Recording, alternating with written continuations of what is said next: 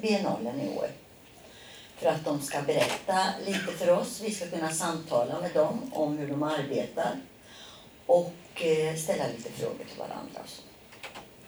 Och de eh, som är här idag, det är eh, Jens Olin och Hannes Mejdal, Hamlet. Anders Dus, Glasäpplen och Paula Stenström eh, Öman, Öman Eh, med eh, Ocean. Förlåt mig. Ja, men eh, då drar vi väl igång lite grann. Ja, eh, som sagt, vi tänkte vi, nu har vi ju sorts kollegialt samtal. Jag har lovat att det inte ska bli olika kuggfrågor och sånt, utan vi ska fokusera lite på det här med skrivbandet. Eh, ganska konkret eh, kanske vi kan få till det. Men ehm, det första frågan, om vi tar det från början, så där från ax till eventuell limpa, eller vad vi kan välja bröd sen som ni tycker att det är bäst liknelse för era verk. Men då börjar du någonstans eh, med någon sorts incitament.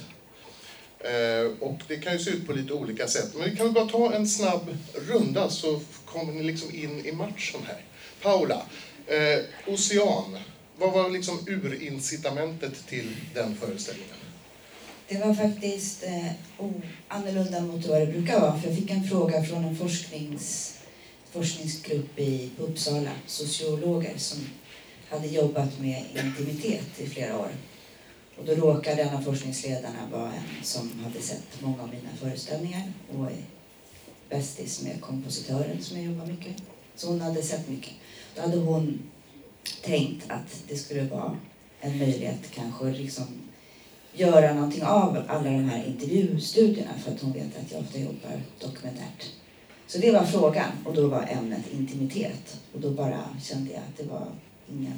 Det, var, det är så jävla bra och given, givet tema. Alltså det kändes också som att det var... Låter det bra nu? Jag känner mig lite fånig det här. Du låter, du låter jättebra. Visst, rösten låter bra. Men jag blir ju nyfiken på hur det brukar vara då. Ja, mm. ofta skulle jag säga, nu i alla fall, att det är någonting som har ploppat upp i arbetet med den tidigare.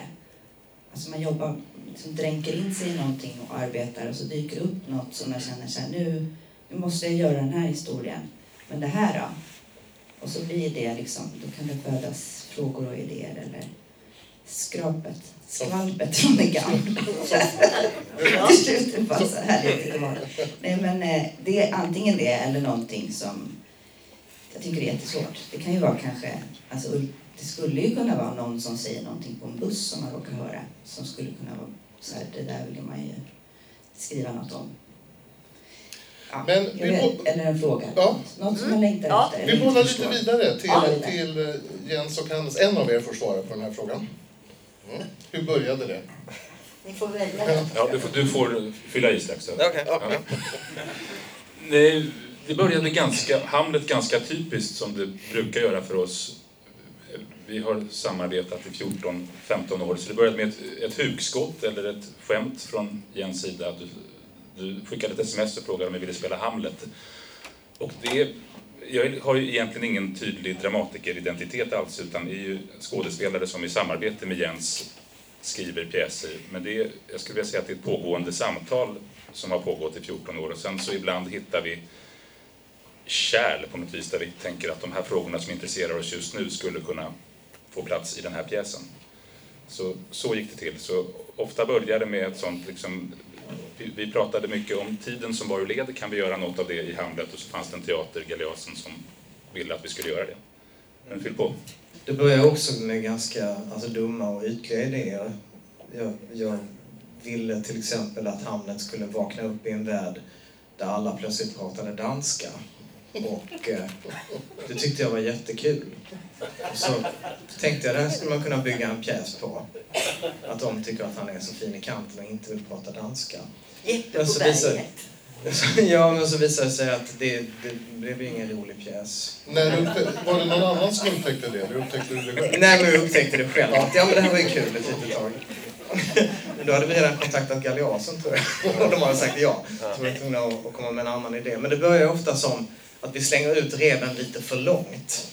Mm. Att nu, vi, vi vill göra det här. Okej, men hur ska ni göra det? Vi, vi vet inte, men det, det, det, det kan bli något av något som intresserar oss. Eh, Anders, eh, Um, Glasäpplen började med en, eh, ett utrymme på repertoaren egentligen. Alltså jag var ju knuten till Örebro länsteater som dramaturg och har skrivit för dem också. De var så här, vi skulle vilja att du skrev abonnemang 1 nästa år, alltså första abonnemangsföreställningen. Och den behöver vara ganska liten för vi ska göra stora grejer sen. Så att du kan få tre skådespelare. Eh, Så det var liksom utgångspunkten. Och det är inte så ovanligt, tänker jag. Man får liksom ett format först och trivs jag ganska bra med. gillar, jag, jag tänkte fråga dig, gillar du att få Ja, jag, jag, jag älskar begränsningar generellt. Det värsta jag vet är frågor när man säger gör vad du vill, för det är ju aldrig sant. Det är ju aldrig någonsin sant och då är det bättre att få slå huvudet i det från början än längre fram. Liksom. Ehm, Men idén då, Anders? Jo, men så, så det var det. Och sen så var liksom utgångspunkten var eh, att jag ville göra någonting om ja, men liksom vår blick på den andra eller hur vi gör liksom ett beläte av varandra. Hur, vi liksom, hur, man, hur man skapar fiender på något sätt. Och det, det temat, var det något som du hade liksom funderat på själv eller var det i samtal med någon som det... Nej, men det kändes, det var någon slags känsla av så här, här är vi just nu som samhälle på något sätt om man ska vara brett då. då. Mm. Ehm, och sen så var jag ju, har jag liksom länge varit intresserad av barn som förtrycker vuxna för att jag tycker att det är en intressant mekanik och ganska outforskad fortfarande på scen. Så. Ehm, och jag hade skrivit en barnpjäs för en teater i Ungern som heter Ruttna äpplen som handlar då om, det är egentligen en lite motsvarande historia fast från barnens perspektiv. Mm. Och när jag hade skrivit den så tyckte jag så här, men jag är inte riktigt, jag skulle vilja titta på den från andra hållet också. Så det är en helt annan berättelse men den, liksom, den föddes ur en slags spegling av en tidigare tematik. kan man säga. Eh, Okej, eh, behåll mikrofonen så går vi vidare nu lite i de här detaljerna som intresserar mig och kanske andra som är skrivande. Vi får väl se. Eh, när du då tänker att du ska skriva den här pjäsen, var sätter du dig och skriver då? I vilket rum sitter du? Var skriver du bäst? Var? Eh, jag, det här är ju jätteintressant för det, det är liksom när jag träffar unga dramatiker eh, som ibland är så här, hur gör man, var börjar man och hur beter man sig? Så brukar mitt första tips brukar vara så här, hitta ditt skrivande tillstånd. Alltså hitta eh, de förutsättningar som gör det så möjligt för dig att få ut en bra skrivdag som möjligt. Liksom. Och försök att reproducera dem. Och är det att sitta klockan fyra med en bång på nattåget till Hamburg så må det vara så. I mitt fall så mår jag bra av att jobba så rutinigt som möjligt. Så att jag jobbar kontorstider. Jag sitter på ett kontorshotell. Delar våningsplan med eh, Hushållningssällskapet som är lantbrukskonsulter.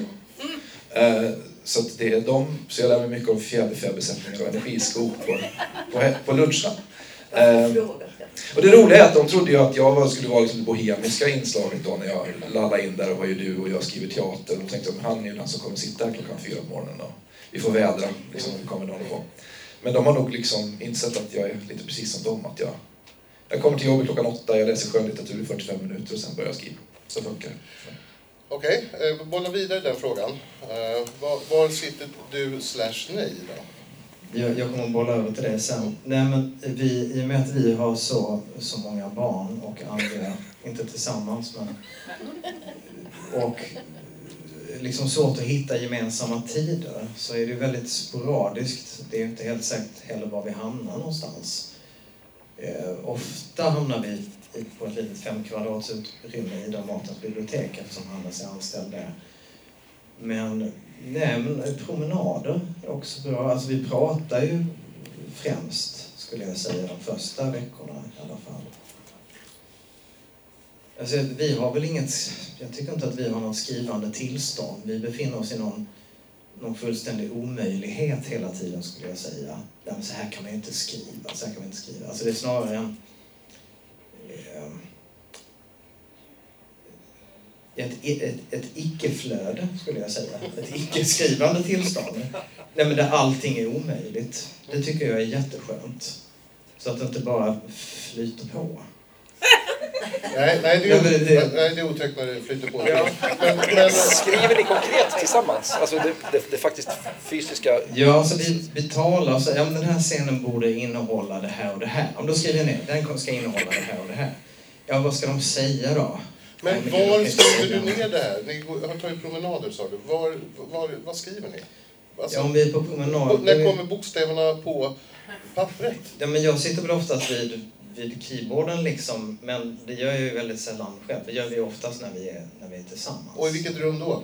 Bland alla dessa barn och allt vad det var? Biblioteket. Biblioteket på Dramaten eller Ja. hemma hos mig, hemma hos Hannes. Ja, Min svärmors övernattningslägenhet. Svemmos övernattningslägenhet. sådär. Ja. ja, men det är sånt. Det är sånt man vill veta. Det är så, okej. Ja. Eh, behöver du komplettera med något? Eller?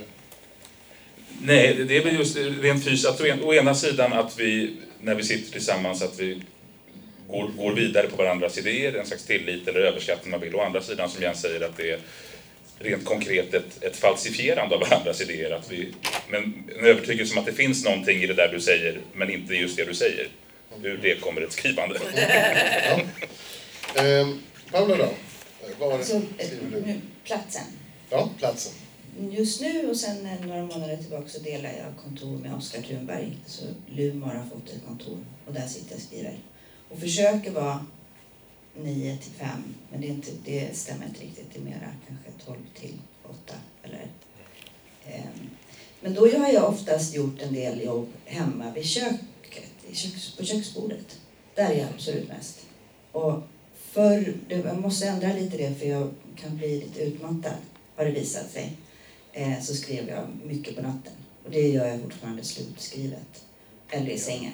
Sängen, köket, på natten. Eh, jag fortsätter med dig då. Och vad skriver du på för någonting, rent konkret? En sån där? Vi- vilken typ? Vi säger firmamärken nu. Ja, det är en Mac. Det är en Mac. Det är också ganska nytt. Jag, jag saknar min ThinkPad IBM som var jättetung. Jaha, en ThinkPad. Ja. Okej. Ehm, och vilket typsnitt använder du? Times New Roman skulle jag säga, men det har varit ganska mycket Calibri. Det är också bara det att det råkar stå inställt på det. Jaha. Det, är rätt noga ändå. Ja. Alltså, ja. Ehm, den frågan till er. Vad, vad, vad, vad skriver ni på och vilket typsnitt? Mac och Times New Roman 12 punkter. Vinnande koncept. Ja, och har lärt oss nu att ha, ha det i iCloud för du fick ett inbrott precis innan inlämning av marodörer där Ja, din ja. dator stals med allting. Mm. Eh, Okej. Eh, och ni skriver också, Vi mindes ganska mycket. det är också Mac-användare här? Ja. Ja. Anders? Eh, PC. Mac är en sekt. Eh, ehm, och jag har en... För det bara funkar, det är så magiskt med Mac. Eh, eh, jag skriver på en, en ganska billig A6-laptop som bara är min skrivdator som jag inte gör någonting annat med. Jag har ett externt tangentbord för jag kan inte sitta och knafsa på den där. Eh, det, kan man, det kan man på Mac nämligen. För det, det är så. Ehm, och eh, jag skriver mina barnpjäser i Arial och mina vuxenpjäser i Garramont. aha! Alltid centrerat också. Ja, det har, just det, centrerat. Ja. För det, är, det har jag jättesvårt för. ja.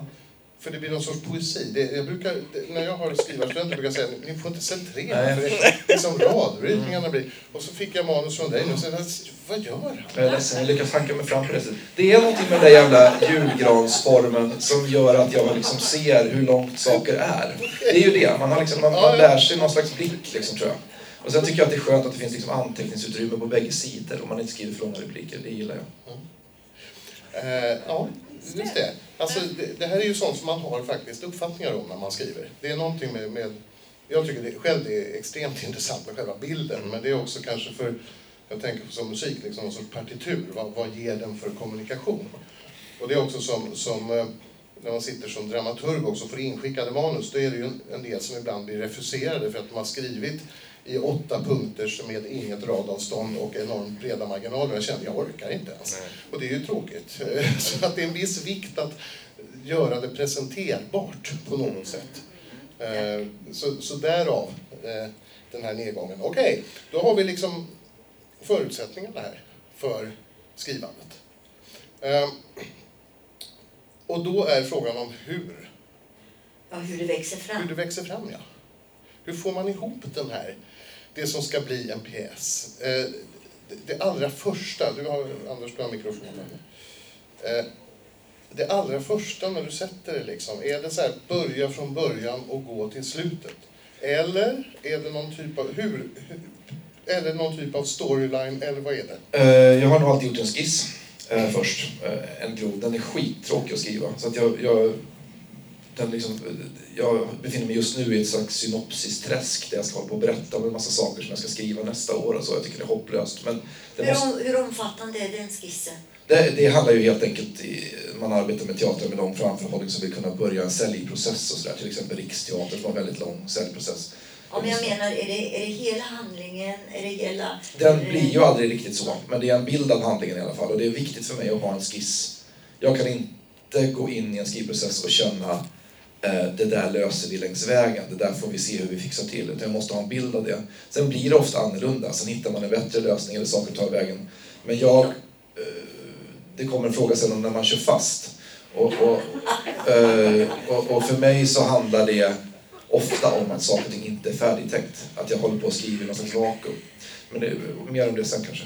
Um, så så att jag, jag har ofta en skiss från A till Ö. Sen så visar det sig att den där kartan ser annorlunda ut när jag väl skriver den.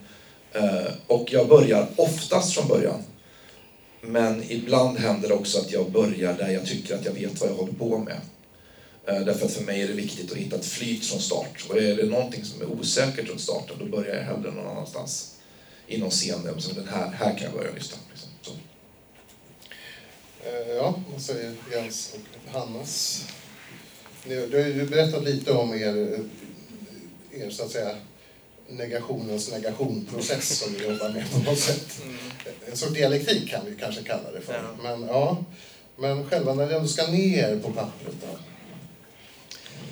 Ja, just, just i Hamlet börjar det väl med en bild av eh, just Hamlet som vaknar upp i rullstol till en, till en värld som är förändrad. Så att i Hamlet börjar det väl med att försöka få till den första scenen. Jo, men jag tror vi fastnar ofta vid den första scenen. Att, vad är, jo, vi skriver nog från början till slut faktiskt. Det gör vi nog. Men utan Från början skiss. fall. Men utan skiss. Och ja, men för så fort första scenen gör det den ska göra så kan vi nog fatta hur de andra scenerna ska se ut, eller kan se ut i alla fall. Eh, Men sen så har vi ju oftast, med Hamlet till exempel, så hade vi ju, den var ju inte färdig när vi började repetera. Och vi skrev också om scener medan vi repeterade. Så att vi, vi tänker nog att det där löser sig senare, just därför att vi båda är i rummet och kan, och kan skriva om allt eftersom vad som behövs. Nej, vi börjar från början och ganska ofta så har vi, jag tror vi båda är, vi är dåliga eller inte så intresserade av intrig. Därför snor vi ju ofta ur, ur, urpjäser som liksom, där, där handlingen i någon, någon mån finns redan. Och så brukar vi nog göra så, Jens, jag vet inte uttalat, men att vi liksom skriver, ger scener olika namn. Här finns det en scen som ska heta någonting, så kan det stå ganska länge, scen 3, 4, 5, 6, 7 med de här namnen och så kan vi hoppa in i scen 8. Och slutet blir väldigt sällan färdigt innan vi börjar repetera. När vi ser vad det vad det är för någonting vi har. Ja, innan sista repveckan till och med. Ja, det där sista kan jag känna igen. Ehm, alltså att slutet kommer väldigt sent. Men, eh, men alltings början, alltså hur menar du Magnus? Vad Ja, nej, jag- jag menar, alltså egentligen så går jag tillbaks till där du sitter där vid din Mm, dator med ditt valda typsnitt och, och känner att nu ska jag skriva pjäsen Ocean som några har önskat sig. Eh, var, liksom, vilken är den första raden som trillar fram?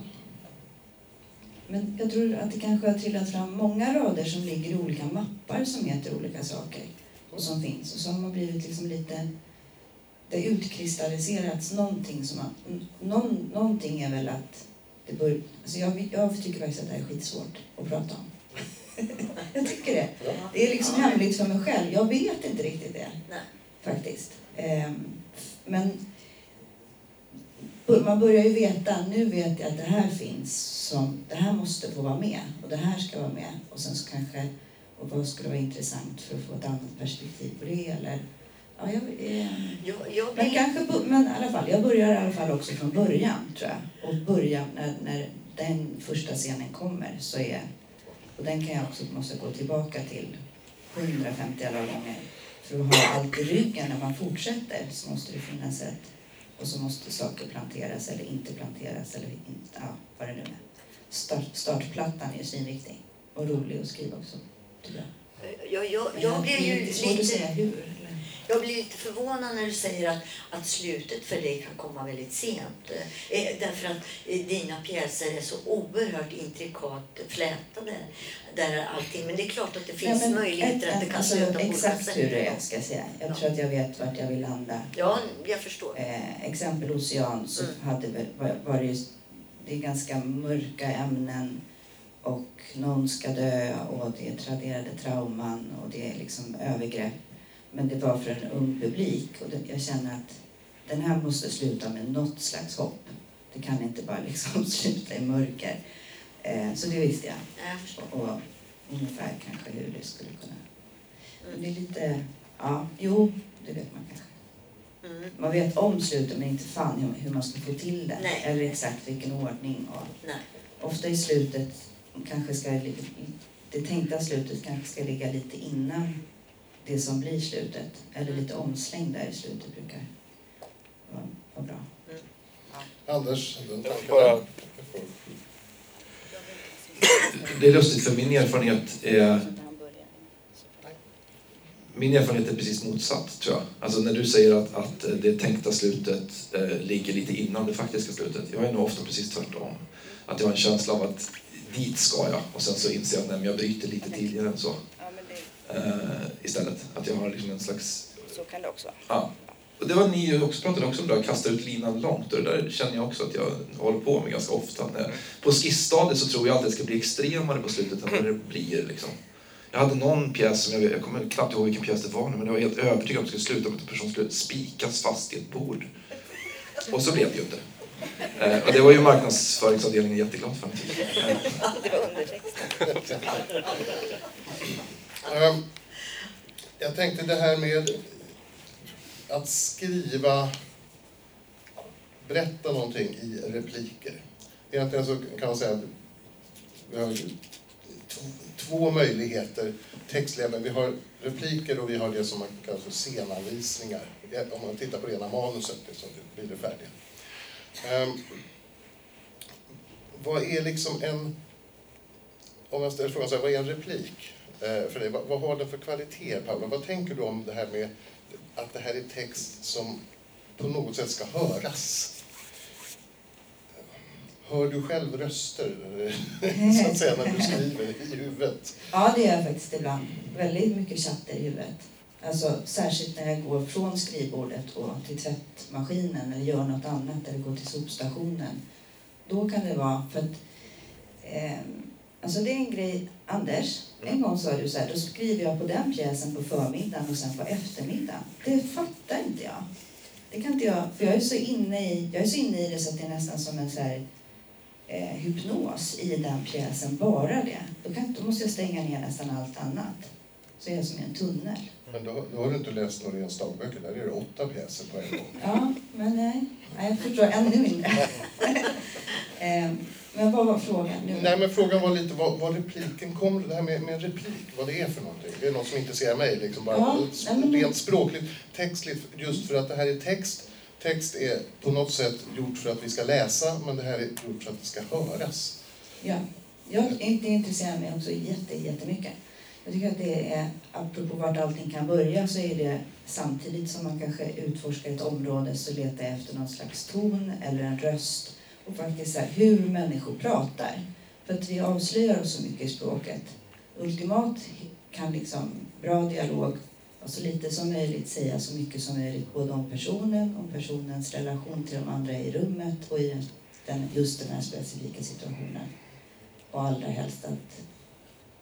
Jag menar, vi säger ju ganska sällan vad vi faktiskt menar. Att, ja, så mycket som möjligt i så lite som möjligt. Eh, när det slår, slår rätt, liksom, eh, så finns det kanske en igenkänning på det. Eh, var det svar på Ja, absolut. Ja, Jag du är min det- gamla lärare. Det är jätteintressant. Dessutom. Ja. Men det här var... Var det rätt svar? Det var rätt svar, ja.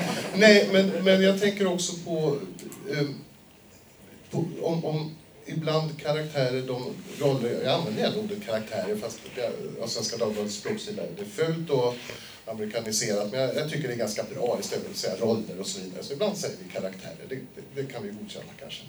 Eh, säger de ibland saker som du själv blir överraskad av eller som du inte förstår varför de säger det de säger? Ja, hela tiden.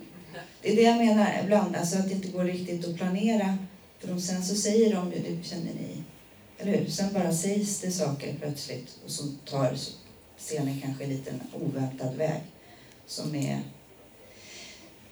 det är mycket, mycket roligare. Det är det jag inte riktigt... Det är därför jag undviker skissen för tydligt. För då skulle det vara som att fylla i liksom en färdig färg. Eh, alltså att jag blir röt. Man överraskar sig själv på något sätt. Eh, Om vi tar över den frågan, så känner ni igen det här? Alltså, jag tänkte på, på Jens och, och Hannes, ni har liksom en förlaga, ni har ofta en sån, en sån idé, ni har skulle jag säga, någon typ av politisk idé vad det här ska göra, vad det är ni vill berätta.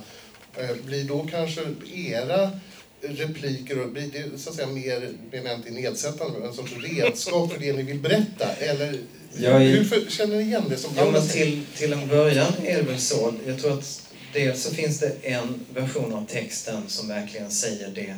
Att jag är tvungen att skriva ner det texten ska mena. Så. Sen känner jag mig ofta tvungen att skriva ner, alltså försöka hitta just en röst. Men den här människan som är med i den här scenen, vad är den personligen emotionellt fylld av?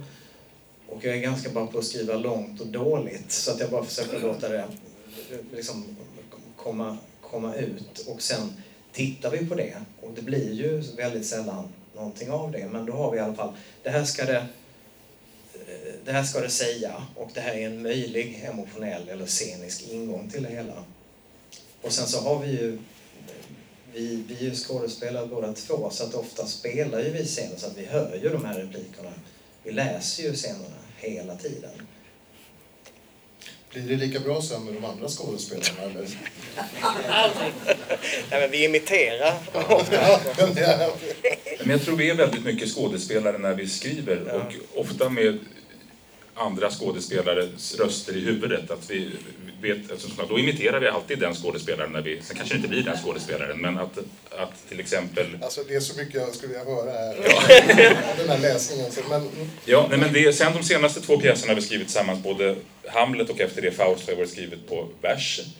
Och där har vi, apropå att lys, lyssna av, vi har också varit roade av den där diskrepansen mellan att det, är- det här är en språklig jargong som vi, som vi känner igen, som vi hör, ord som är i svang, men att förhöja det, som skapar, av de här språkliga plattityderna, stoppa in det i en blankversform som får det att låta väldigt högtidligt och genomtänkt. Alltså det, det, det, där brottet mellan eh, så i, Faust till exempel så är återkommande eh, säga, bra att påminna sig om sådana olika språkliga tics som kommer in i blankversen och låter, låter kloka.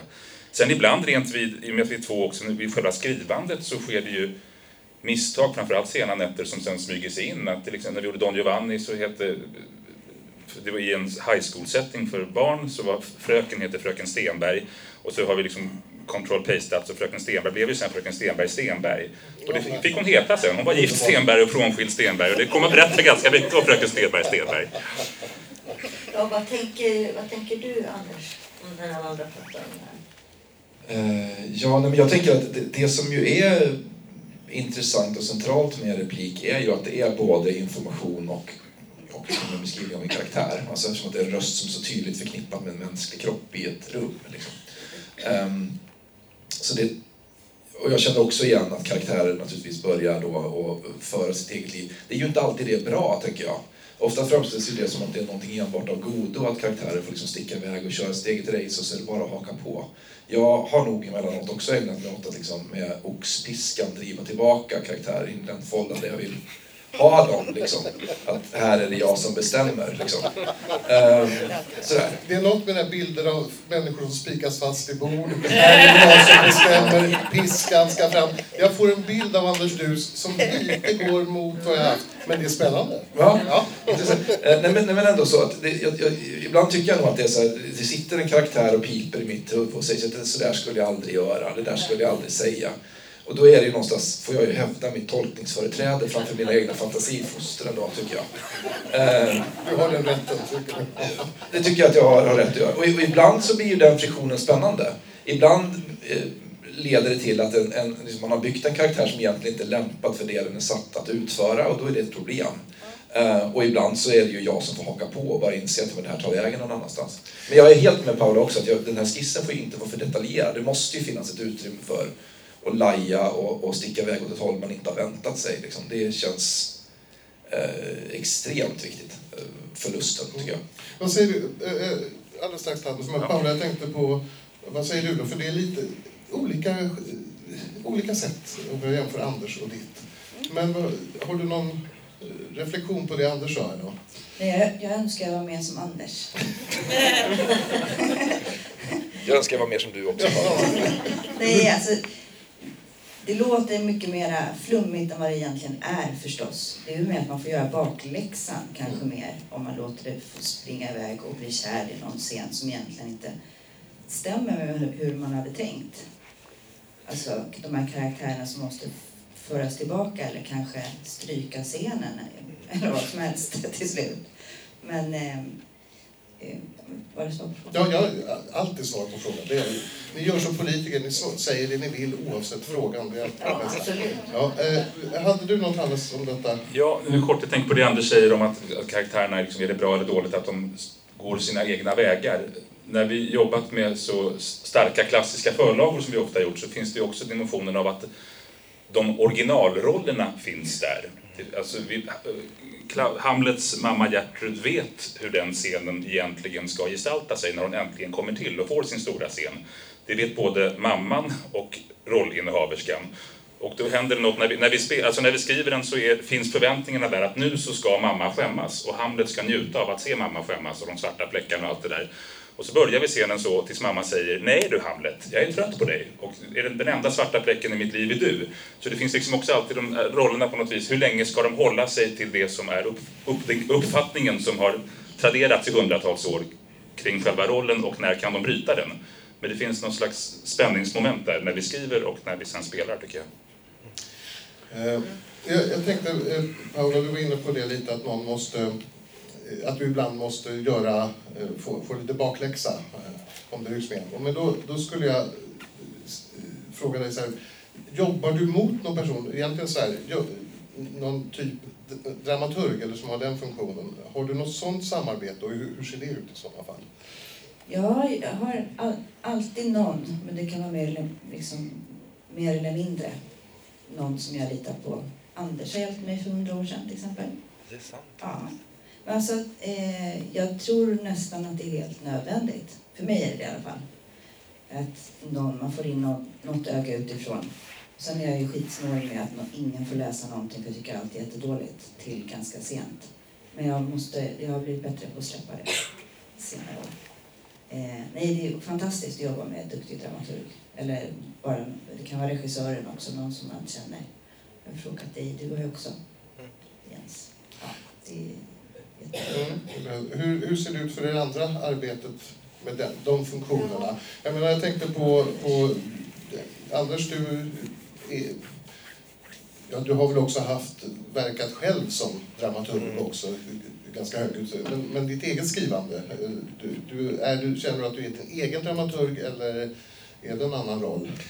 Alltså, jag tänker att jag kan vara min egen dramaturg, men det förutsätter Eh, en lyx som man sällan har som dramatiker, det är att kunna liksom lägga någonting åt sidan i ett par månader och titta på det med fräscha ögon. Ofta ser ju inte en process riktigt ut så. Eh, utan då vill jag väldigt gärna ha in andra eh, ögon på det jag gör och, och så tidigt som möjligt i processen egentligen. Eh, jobbar hemskt gärna med dramaturg och vill också väldigt gärna ha regissören ombord så fort som möjligt. För att eh, jag och regissören ska kunna prata oss samman om... Jag vill väldigt gärna att vi ska sitta på kollektioneringen och ha en gemensam bild av vad det är vi ska göra. Att vi, då är vi på samma...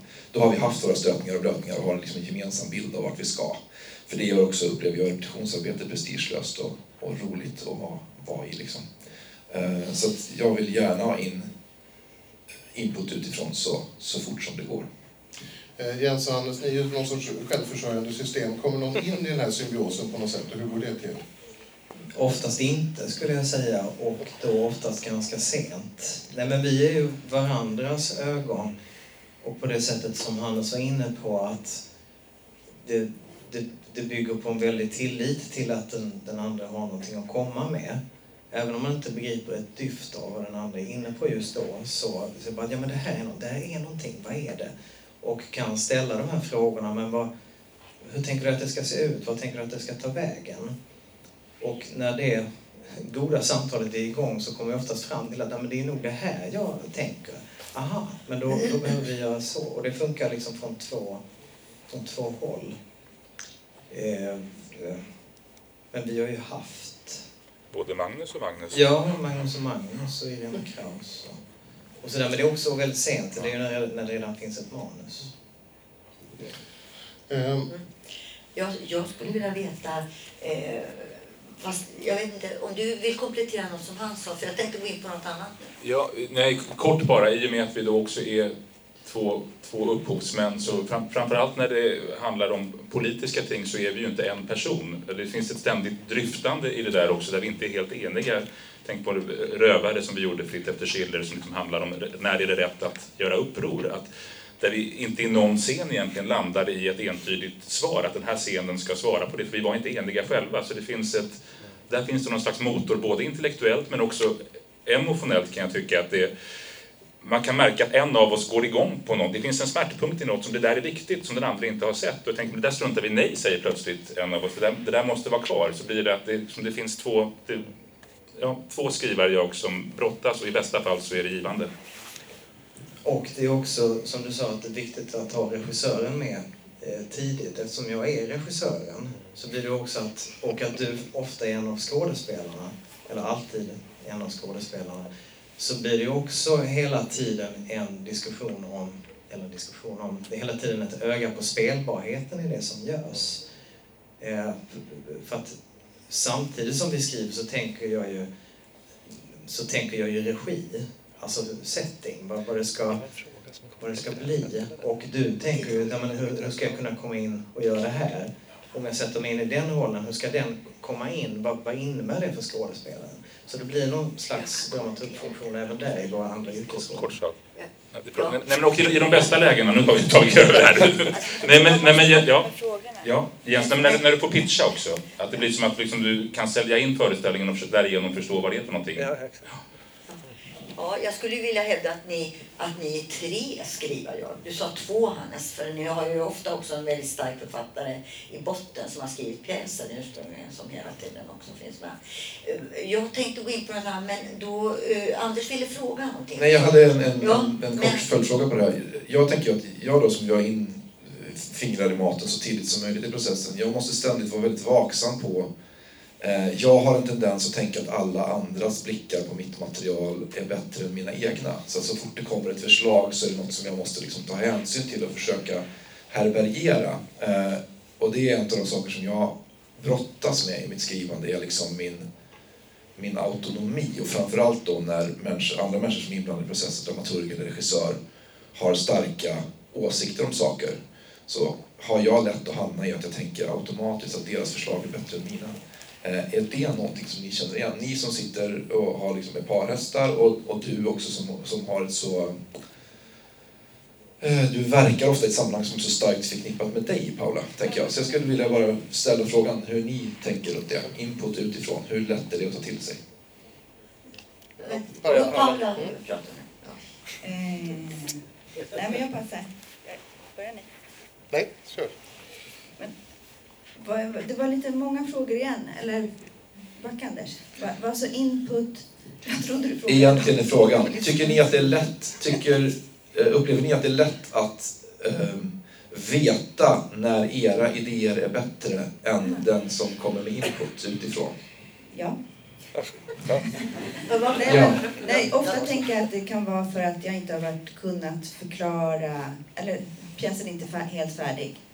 Och då säger jag, men det kommer där i minnesstunden. Det är då som allting, du kommer förstå det sen när minnesstunden är skriven. Mm, Och så förs- försöka förklara vad den ska innehålla. just det. Kanske. Alltså nu, nu eh, raljerar jag lite. Det är klart att det kan. Man kan vara i ett läge som då jag är jättekänslig och tycker att allt som dramaturgen eller Oscar eller vem det nu är säger nog är, är rätt. Mm. Alltså för man har något problem och så tänker jag att då kan jag rätta till det. Men inte för att vara sån. Men ofta tycker jag att det kan att det är dumt att springa direkt då. Är det lite panikläge. Ja, för det gör ju För jag. då kan man lägga om allting och sen kommer det tillbaka till, men då ofta jag regisserar ju själv. Ja, Och då bara, vänta nu är vi tillbaka till precis så här det var innan jag började lägga om allt. Mm. För att dramaturgen tyckte och jag tänkte det var ju såklart rätt. Sen kanske inte, förstår du vad jag menar? Alltså, Precis. då är det någonting som är tänkt som är invävt ganska hårt i ordningen när informationen kommer eller vad det kan vara. Eh, Så ibland, jag försöker hålla i mig lite. Så, lite så det är jag också på den frågan. Ja, jag tror inte att vi försätts liksom ur balans så mycket. Men det är oftast för att vi inte är ett, ett eget system. Alltså vi, vi uttalar ju allting hela tiden inf, inför varandra. Men jag tycker ändå att vi är liksom ganska öppna för saker som kommer utifrån som, som är bra. Nej, men det är ofta när vi själva upplever att någonting är ett problem och kommer det då ett förslag så är det fantastiskt. Men, men nej, vi springer nog inte Då måste jag säga för att stödja Anders lite grann här att du- jag pratade ju igår med Dimen Abdullah och Johanna Emanuelsson och båda två, eh, speciellt en av dem, tog upp det här som också någonting som de brottades med. Så att jag tror ändå att det är ganska många dramatiker som har den, eh, som kan hamna i den situationen och som av olika anledningar eh, funderar över hur de ska värdera. Så det där ska vi nog, eh, ta, ska vi nog ta upp vid annat tillfälle. Mm. Jo, jag tänkte, eftersom Anders pratade förut om att slänga ut reven och sådär. Och då, då, eh, då tänkte jag att jag skulle höra när, när fastnar det? När blir det bottennapp? När, är det, när eh, fastnar reven? Och det blir eh, att det står stilla. Vad har, vad har ni för erfarenheter där? Där kör ni fast. Och hur kan det se ut? Fastkörandet. Vem som? Vem som? Hela tiden.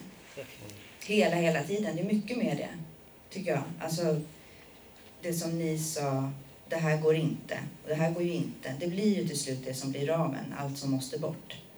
Allt som är så jävla dåligt. Och så mår man ju skitdåligt. Jag tycker att det är super... Alltså jag tycker skriva är svårast av allt och roligast av allt. Och svåraste. Jag tycker att det är svinsvårt i vissa lägen. Och det, jag tänker den största, för mig i alla fall, tröskeln är när jag måste ta slutliga beslut om nej, det, är, det är den här historien nu och inte alla dem och inte på det sättet. Eller, och det finns ju oändliga möjligheter. Det finns ingen bortre gräns för hur genialt det skulle kunna bli om alla hade sina... Alltså man får ihop den, den smärtpunkten på den frågan med de karaktärerna utifrån de perspektiven. Alltså, man måste ju sätta ett stopp. Nu är det så här. Nu blev det så här. Ja, nu, och så någon liten bakväg som känns här, lite oväntad. Jag tycker det är så, jag, jag, jag vet inte.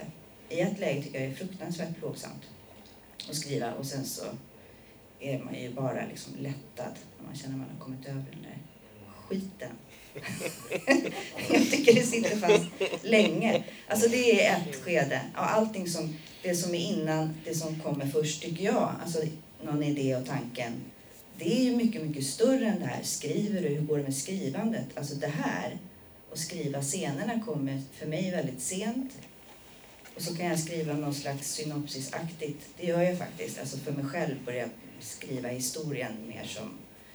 Eh, men marinerandet i ämnet och ta in alltså, all research eller hur man nu gör. Åker på bussen eller lyssnar på dokumentärer. Eller, det är ju det stora jobbet. Då görs det stora jobbet tycker jag. mig. Ja, ja. Och det är roligt. Mm, mm. Men sen är det svårt. Sen är det lite knöggligt. Vad, vad tänker du Anders på det här med att köra fast? Gå i stå? Eh, jo, men det gör, jag, det gör man ju verkligen hela tiden. Jag tänker att för min del så brukar det finnas två framförallt lägen. Dels är det då när någonting inte är färdigtänkt eller när någonting stort inte är löst. Och det brukar manifestera sig hos mig att jag har fruktansvärt svårt att faktiskt sätta mig och skriva. Liksom att det, det, det, tröskeln går till armhålorna. Jag är beredd att göra precis vad fan som helst hellre än att sätta mig och skriva. Det brukar vara ett tecken på att någonting är inte löst. Liksom.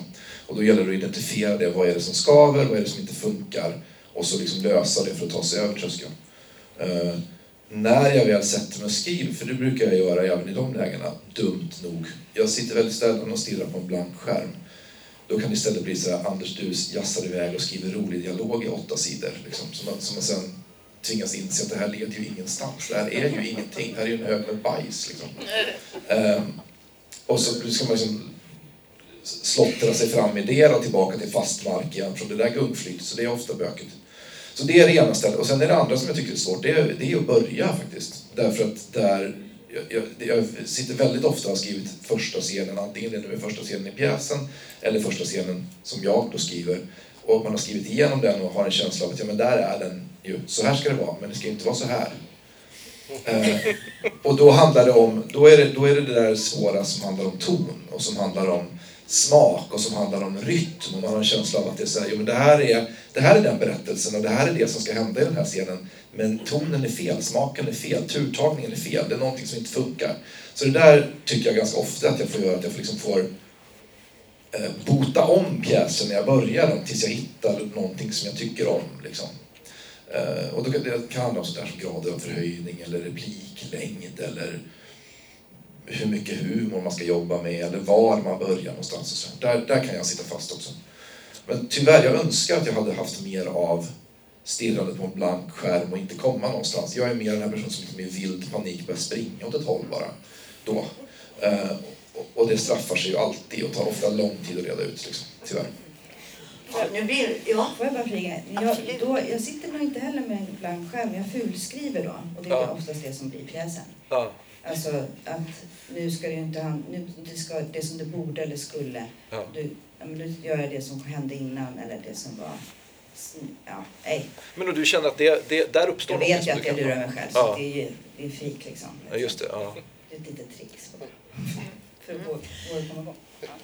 Jag, jag- jag kom där att tänka på en, jag såg någon sån här dokumentär om, om filosofen Slavoj Zizek som är en rolig figur på olika sätt och som producerar enorma mängder böcker.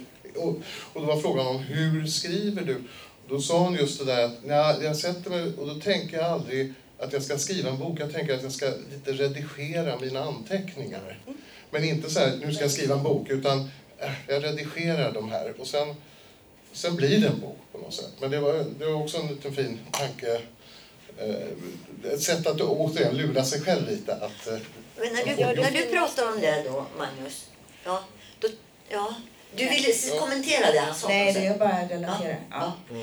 För att jag tänkte komma in på att eh, när du säger det och när, när Anders också börjar prata om den här tröskeln som går upp till eh, jag vet inte, brösthöjder och allt som man inte kan ta sig över och så. Så det vi pratade om att vi ville höra med de andra om det var ju också det här med prokrastinering. Ja, alla nickar lite eh, och ser lite sura ut. Det är, ju, det är ju liksom eh, något som alla känner igen och som man är nyfiken på eh, hur mycket sånt man sysslar med. Och det, det också hänger ihop lite med, med deadline, ens förhållande till deadline kanske, som, som vi också var nyfikna på. Hur ni, hur ni ser på, på er deadline och så. Eh, men jag tycker, svara den som vill, i den, hur ni vill, hur ni tänker. Säg någonting. På det. Vi, vi skriver ju väldigt mycket i skov. Alltså, vi, vi har ett perspektiv att om det är mellan ett och två år från det att vi har en idé och kanske får en beställning till att det ska bli färdigt. Och så, I och med att jag oftast är uppbunden av repetitioner på andra pjäser och du gör annat så försöker vi liksom avsätta, och vi har massor med småbarn, att vi avsätter att då åker vi bort i, till en början i, om det är tre dagar eller något, att bara, bara prata och skapa någon slags första skiss. Det här är vi intresserade av. Sen kan det gå flera månader och att vi liksom, utan att vi aktivt skriver tills vi sitter igen. Och sen så blir det alltid ändå väldigt mycket kvar när det närmar sig deadlinen. Men ut, utan deadline skulle det inte bli någonting, tror jag. Nej. Men vi skjuter nog aldrig upp skrivandet utan när vi, när vi skriver så skriver vi för vi vet att vi, vi kan inte på andra tillfällen än de här. Så vi sitter ju från 8.30 till, till 15.30 utan att ta lunch. Åh, vad duktiga ni är, tycker jag. Nej men, det är för att det är kul. Nej, men det är för att det är kul. Jag upplever aldrig den där olusten. Utan för mig är det alltid wow, nu ska jag träffa Hannes en hel dag och prata. Alltså det är ju någon slags, det är ett sätt att umgås och skriva pjäser. Men eh, Paula, eh, deadlinen, olusten, eh, beställaren som hägrar. Eh, vad är det för dig? Alltså, det är väl jättebra med deadline. Som sagt, annars kanske det inte skulle bli så mycket. Det finns ju andra saker man kan göra i livet annars. Eh, nej, deadline är jättebra. Men sen så finns det ju... Jag är nog jag är ju jättemycket deadline-människa. Alltså att jag skärper till mig och skriver mitt finaste när jag, bara när jag måste. Typ. Mm. Alltså, ja. Deadline-person. Mm. Jo, men jag brukar säga jag skriver bara om det är hot, hot från jurister. Då, då, möjligtvis. Men ja, Anders, du ville... Ja. Jag undrar också om det där har ändrat sig lite. Kan ni fundera över, över tidens lopp eller över erfarenhetens gång i ert förhållande till eh, deadline och till det här med prokrastineringen? Om det blir lättare och lättare eller om det blir svårare och svårare eller hur, hur det Men- ser ut. Du hade en säg du kommentar. först. Jag har nog en väldigt, jag har en väldigt strikt eh, regim mot mig själv. Jag har nog någon slags dum bild av att jag egentligen skulle sitta och skriva åtta timmar om dagen. Liksom, för att jag är så, här, jag är så privilegierad så jag får hålla på med det här och då borde jag verkligen lägga en hel arbetsdag. Och, och glömmer bort då att det största skrivjobbet gör man ju inte sittande framför datorn utan när man håller på med annat. Liksom. Men jag kan absolut prokrastinera hela dagar liksom, och, och har nästan aldrig lust att skriva förrän jag sitter där och gör det. Liksom. Så det handlar mycket om att örfila igång sig själv. Nu kom oxpiskan igen. där.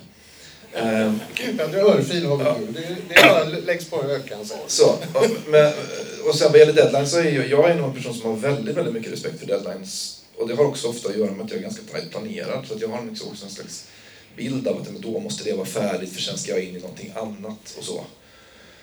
Det har ju också det, tyvärr fört det med sig att när jag då någon enstaka gång ber om mera tid så blir alla jättenervösa eftersom att alla vet att jag är en sån där som brukar leverera saker när, i, i, i, liksom Ja, jag jobbar ju Tjugo- helt tvärtom. kan jag säga. 23.45. Ja, men egentligen borde man kanske ge sig själv lite slack där. För de gångerna jag har bett om två veckor så får alla liksom hår på ända och, och blir jättestressade. Men jag tycker att alltså, jag, ibland känns det som att eh, 70% av jobbet är ju att komma igång. Att det är det det handlar om. Att liksom så här, se till att man faktiskt hamnar framför en, en dator och jobbar. Hur kan du lura dig själv att göra det då? det, ibland handlar det bara om nednötning av allting annat. Nu finns det faktiskt inga ursäkter kvar. Ehm, och sen har jag lärt mig också lite grann, tangerar ändå lite grann det som Paula säger, att, eh, fast för mig handlar det om andra projekt. Det är återigen det där att jag gärna jonglerar flera projekt samtidigt. Att jag har ju väldigt sällan mest lust att jobba med det som jag egentligen håller på med just nu. Utan då är jag egentligen extremt mycket mer sugen på den där andra fräscha idén som har poppat upp i mitt huvud. Och det har jag liksom lärt mig nu eh, med erfarenheten att avsätta någon timme om dagen för att pilla med det där andra. Och som en belöning liksom, när man har gjort det som man måste göra. Och då blir det liksom startpunkten.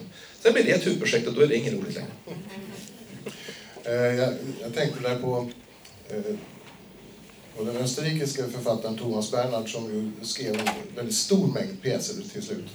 Eh, och han hade ju ett sätt att skriva och det, var egentligen bara att sätta sig i skuld. Alltså att jag måste ha in pengar. Annars skulle jag inte skriva. Så han köpte då stora sådana här gårdar på österrikiska landsbygden. Så när han dog så hade han ju tre eller fyra sådana här jättegårdar.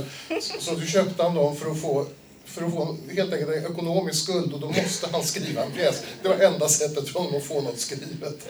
Var det inte Balzac som hade en sekreterare som tog hans kläder? Eh, fick han sitta på en vind tills han hade skrivit sitt dagspensum. Då fick han tillbaka det. Jag vill bara säga, alltså det där med att det är jobbigt, det är såklart för att det är viktigt för en. Det är, inte Det är ångest. Ja, men det är för att det är jätte, jätteviktigt för en. Medan till exempel för mig är regin bara lustfylld, även om det kan vara skitjobbigt egentligen. Men det är på ett helt annat sätt. Vad man har sina, vad, vad, ja, jag vet inte vad det är då. Det är, vikt, det är viktigt på riktigt, jag vet inte. Bara för mig själv, inte för att någon annan ska tycka att det är så himla bra, utan för min skull. Vad det nu kan vara. Man har, nå- jag har någon slags, eh, det låter ju också jävligt flummigt kanske. Kör. Kör. alltså som ett... Eh, jag är skyldig rollerna det. Jag är det. Ja. Mm. Eller berättelsen. Eh, Eh, nu, nu kom vi in lite på det här när, när så att säga, det här ordet ska bli kött. Eh, det ska bli någonting på scenen. Ifrån att ha varit på ert papper och i ert huvud. Vi har flera här som jobbar med regi själva. Anders gör inte det. Eh, så, och då, då tänkte jag på, jag har en sån här, också en här berättelse som jag bär med mig från när jag satt och arbetade med en översättning av en tysk pjäs och satt med, med teaterns dramaturg. Och den här pjäsen var så exceptionellt vacker i sitt språk. Det var verkligen en av de så här vackraste pjäser jag har jobbat med textmässigt. Och det var en otrolig lust att översätta det och vara i orden och se, hålla på med det där. Och så sitter vi och läser igenom det här och tar det väldigt noggrant och läser de här scenerna, eh, min kollega och jag. Och känner bara vilken stor litteratur det här är. Och då utbrister en av oss. Det är ju synd att det ska sättas upp. det är ju det är liksom dramaturgens leende. Att den här, den här ehm, det är ju någonting som händer när orden ska ner på golvet. Du bär ju det med dig Paula på ett sätt. Eh, du, du vet att du ska regissera, för det gör du nästan alltid. Har, har någon annan regisserat din text någon gång? Ja. Ja, Oskar Thunberg. Och så, han ska göra det nu igen. Mm. Väldigt kul. Eh, hur känns det? Gammal helig sportfråga här. Men, eh, Det känns jättebra. Det känns fantastiskt. Det är skitroligt. Skit, skitkul. Och det är så stort, för jag har ju också regisserat saker som jag inte har skrivit. Det är också en annan... Det blir liksom att det blir... eh, Det är väldigt kul, lustfyllt och roligt att göra lite växla och så här. Man har möjligheten. Det är kul. ni andra, vad säger Anders du då, som inte regisserar? det är Vad eh, händer? jätteskönt att slippa växla? Alltså jag skulle nog gärna regissera tror jag, men jag har nog aldrig varit intresserad av att regissera mina egna texter. Eh, Och för mig är, är grupparbetesaspekten en så viktig del av teater. Liksom. Eh, Och jag tror, jag tror att en förutsättning för att bli en bra regissör av sina egna texter är att man har liksom någon slags förmåga att skilja på de rollerna. Jag är inte säker på att jag skulle kunna göra det. Jag vet ju inte vad som står där. Jag vet vad som har skrivit, vad jag har skrivit och det är inte säkert att det är samma sak, tänker jag. Eh, Och för mig är en väldigt stor del av lusten med att skriva just teater och ingenting annat är ju det där att det ska stötas och blötas mot andra viljor och andra kunskaper. Ehm, Så att nej, jag har hittills aldrig känt en längtan efter att regissera mitt eget material och nu har jag ändå hållit på så länge så jag räknar inte med att den dyker upp heller. Och, och eftersom att jag så gärna, jag vill gärna ha in regissören i, um, i processen så tidigt som möjligt så känner jag mig ofta ganska trygg. Det var ganska länge sedan jag kände mig sådär hårt vantolkad liksom, och, och, och ledsen över hur någonting har blivit. Sen riskerar det ju alltid att bli skit för att det är teater vi håller på med. Det, det finns ju liksom hur många sätt som helst som det kan gå åt helvete på vägen, även med de bästa förutsättningarna. Eh, men, men känslan av så här, vad händer på en regissör som inte är snäll mot mig, det var det länge sedan jag var med om faktiskt. Mm. Ja, du pratade om eh, att gå- åt helvete. Eh, jag, jag undrar också, skulle ni vilja berätta om någonting som har gått åt helvete? Någonting som har misslyckats, som har blivit fiasko. Då menar jag inte att regissören har eller något sånt där, utan jag menar ert eget arbete. Om ni har något misslyckande som vi skulle kunna få ta del av. Det vore intressant. Får jag bara svara på regifrågan innan? Ja, absolut. Jag inte du Ja. Mm.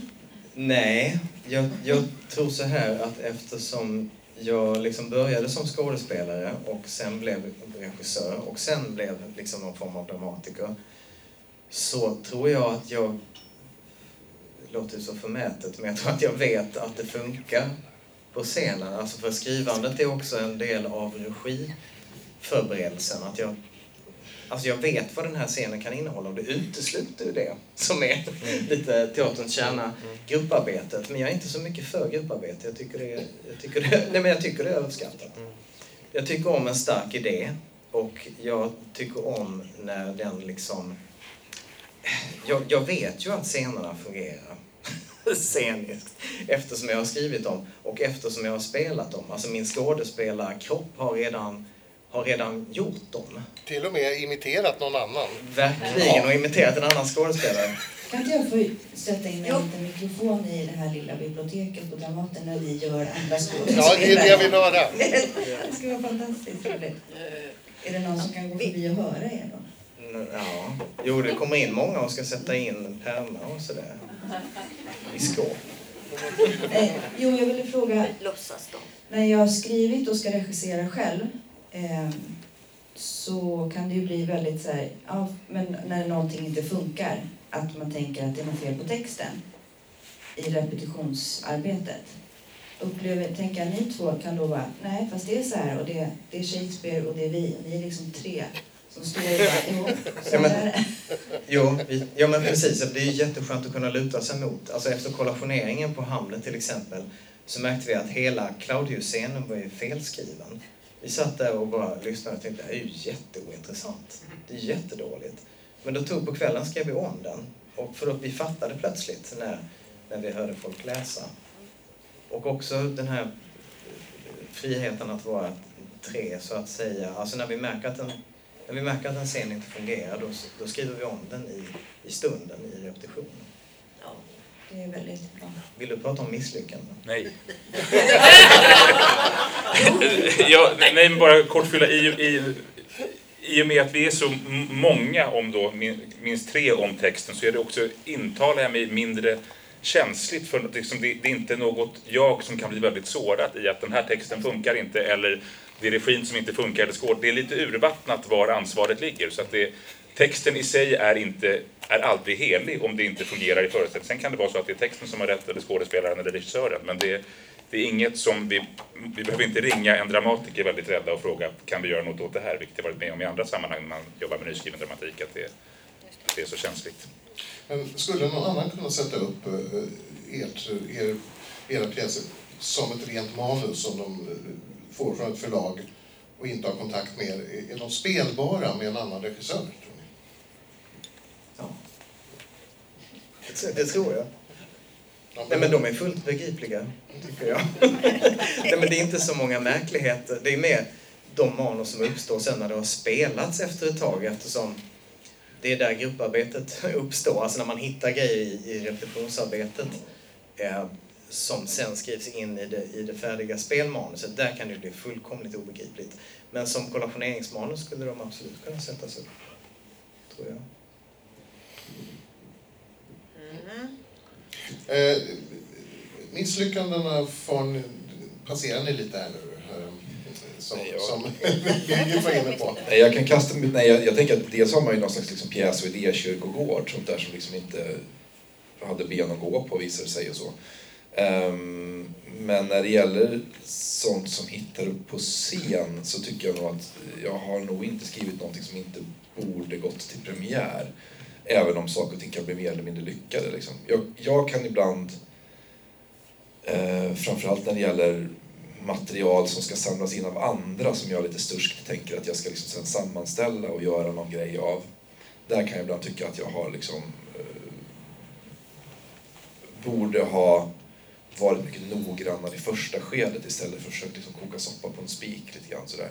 Eh, så där, där tror jag snarare att det handlar om att jag har varit dålig på att ge mig själv bra förutsättningar. Tror jag. Att jag har gått med på förutsättningar som är liksom orimliga och, och, och att jag istället för att säga att men det här behöver vi ta ett annat grepp på har trott att jag ska kunna rädda någonting och sen har det bara liksom delvis gått, skulle jag säga. Mm. Eh, Paula, Nej, det, var, det, var, det, det är egentligen bara som en hyllning till dramatiken, den skrivna dramatiken, det genomtänkta, färdiga manuset som man kommer med till kollationering. Mitt, största misslyckande var när vi gjorde något som skulle vara halvimproviserat och det skulle vara roligt på Parkteatern, det är massor med år sedan. Jag och Solman, Therese Söderberg och Mattias Olsson. Så fick vi 50 000 att dela på, det blir inte så mycket efter skatt. Så att, och det var sommar. Och så skulle vi komma in och typ med så roliga karaktärer så här, bomba in på innan föreställningar. Bara det att ni vet sen hur det är på Parkteatern. Att man bryr sig inte om den som går runt och säger och glöm inte papperskorgarna eller snart kommer det. Alltså konstnärlig ledare säger någonting. Det blir inte som att alla sitter tysta och liksom oj nu har det börjat. Ingen bryr sig ju förrän showen drar igång. Så väldigt ofta blev det och det var just där, ja, men vi har inte tillräckligt mycket tid för att skriva det. Och så visste vi, bara Isabelle och jag tittade på den så här, vi vet ju det här är ju matematik. Det måste ju vara så tajt för att det ska bli roligt. Och, så, alltså, och repeterat ihop med då Olof Hansson var det som då var konstnärlig ledare. Men allting skulle bara vara spontant. Och då blev det väldigt kul ibland. Och ibland blev det väldigt, väldigt inte roligt. Fast jag tyckte det var nästan som en Eh, ja, det var bara en upplevelse. Men det gör jag aldrig om. Och så här, ja, det är hemskt. Det är hemskt. Ingen skrattade. Det stod en ensam skådespelare ute på någon sån parkteater, utklädd och höll, pratade och tog micken från Olof. Och, och så roligt. Ja. Vi tyckte att det var kul, men in, in, ibland ingen annan. Obegripligt. Ja ja, tack. Det, det, det ger så mycket vackra bilder där. Men det är ju också den här eh, clownens panik bakom ridån finns det sådana uttryck. Alltså, där, var rolig. Det är ju alltid något härligt när det, när det inte studsar. Um, Och jag har ett misslyckande. Ja. Jo, minns du Marie Antoinette? Ja, Jajamensan. som jag skrev själv, var det första jag skrev själv, men det insåg jag inte förrän vi satt på kollationeringen. Jag tänkte, men gud, jag är ensamt ansvarig för detta. Eh, där hade jag skrivit en första akt som jag var ganska nöjd med. Jag tänkte att det här hänger ihop, det här är lite skojigt och det är ändå, oh ja, här händer det grejer. Och så hade jag en andra akt där jag hade ett fejkat applådtack. Och sen så tar Erik Eriksson över hela föreställningen. Och det blir som om det skulle försätta publiken i osäkerhet om föreställningen fortsätter nu eller om vi har hamnat i ett debattforum. Eh, när vi gick till kollationering så tror jag att den var 50 sidor lång, den här andra akten. Den skulle vara 20 minuter, cirka.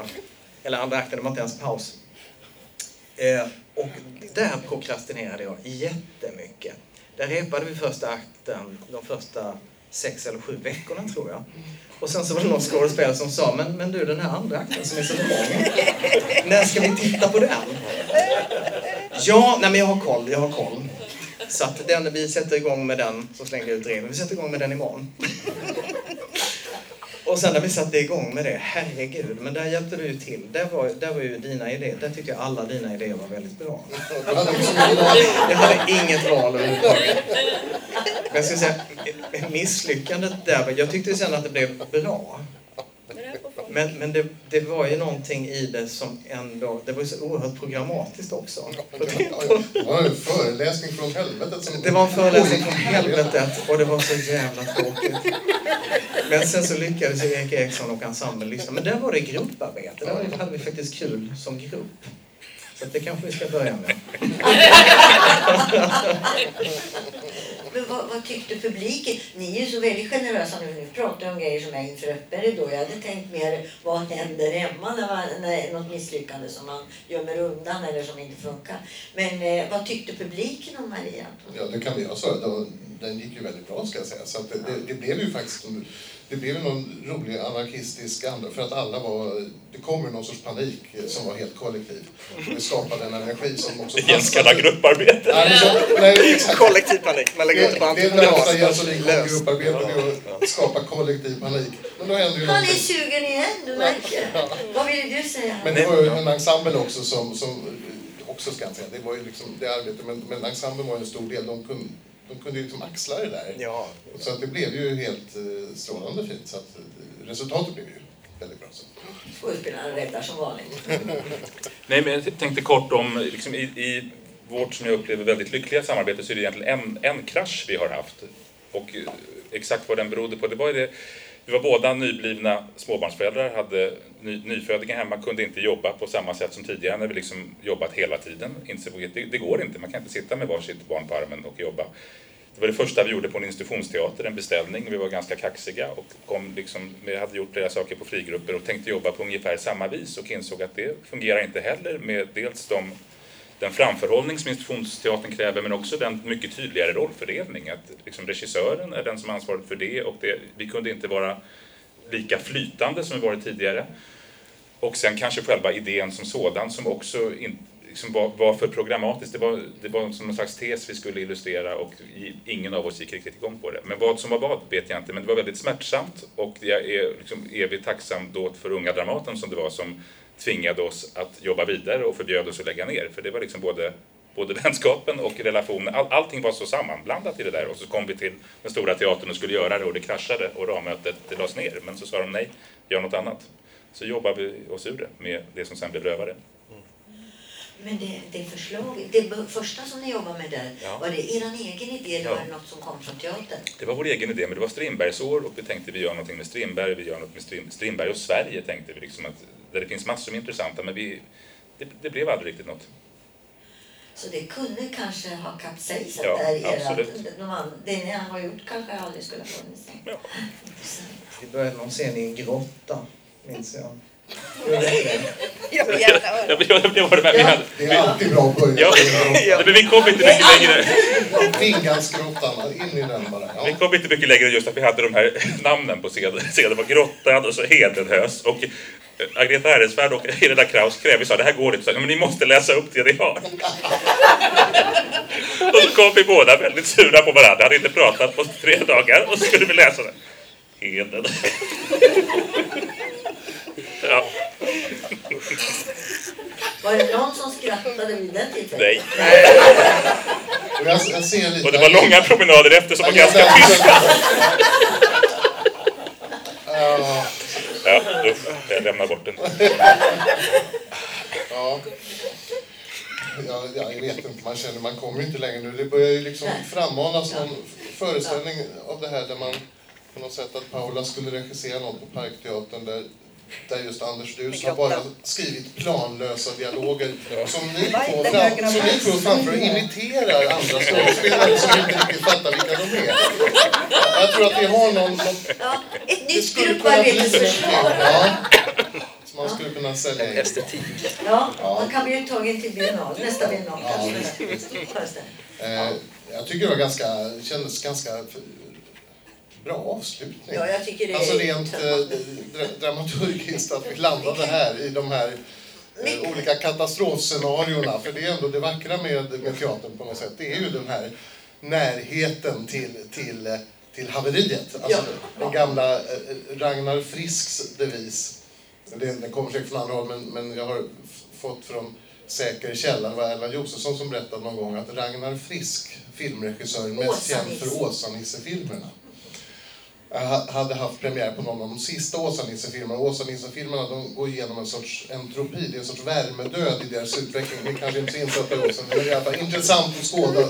Sen har skådespelare börjat bytas ut de sista filmerna. Åsa-Nisse, eh, Klabbarpan, inte längre Klabbarpan utan Arne Källerud. Men vi går in, kan, kan gå in på det sen.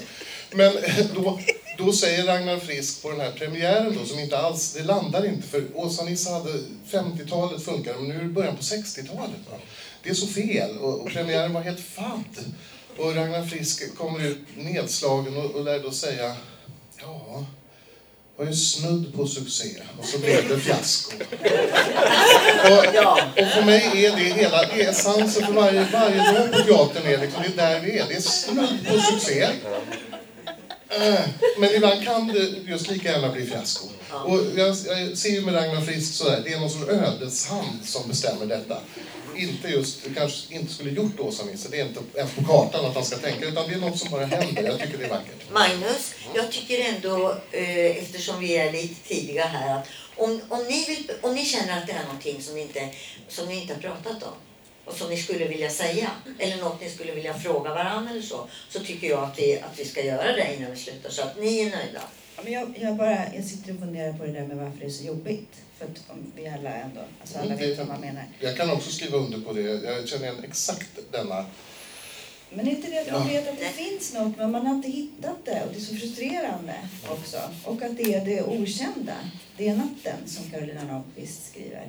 Alltså, vi vet ju inte, det är slutet. Alltså det är ju det, det som ska skrivas. Det är ovisst. inte det... Jo, Jo.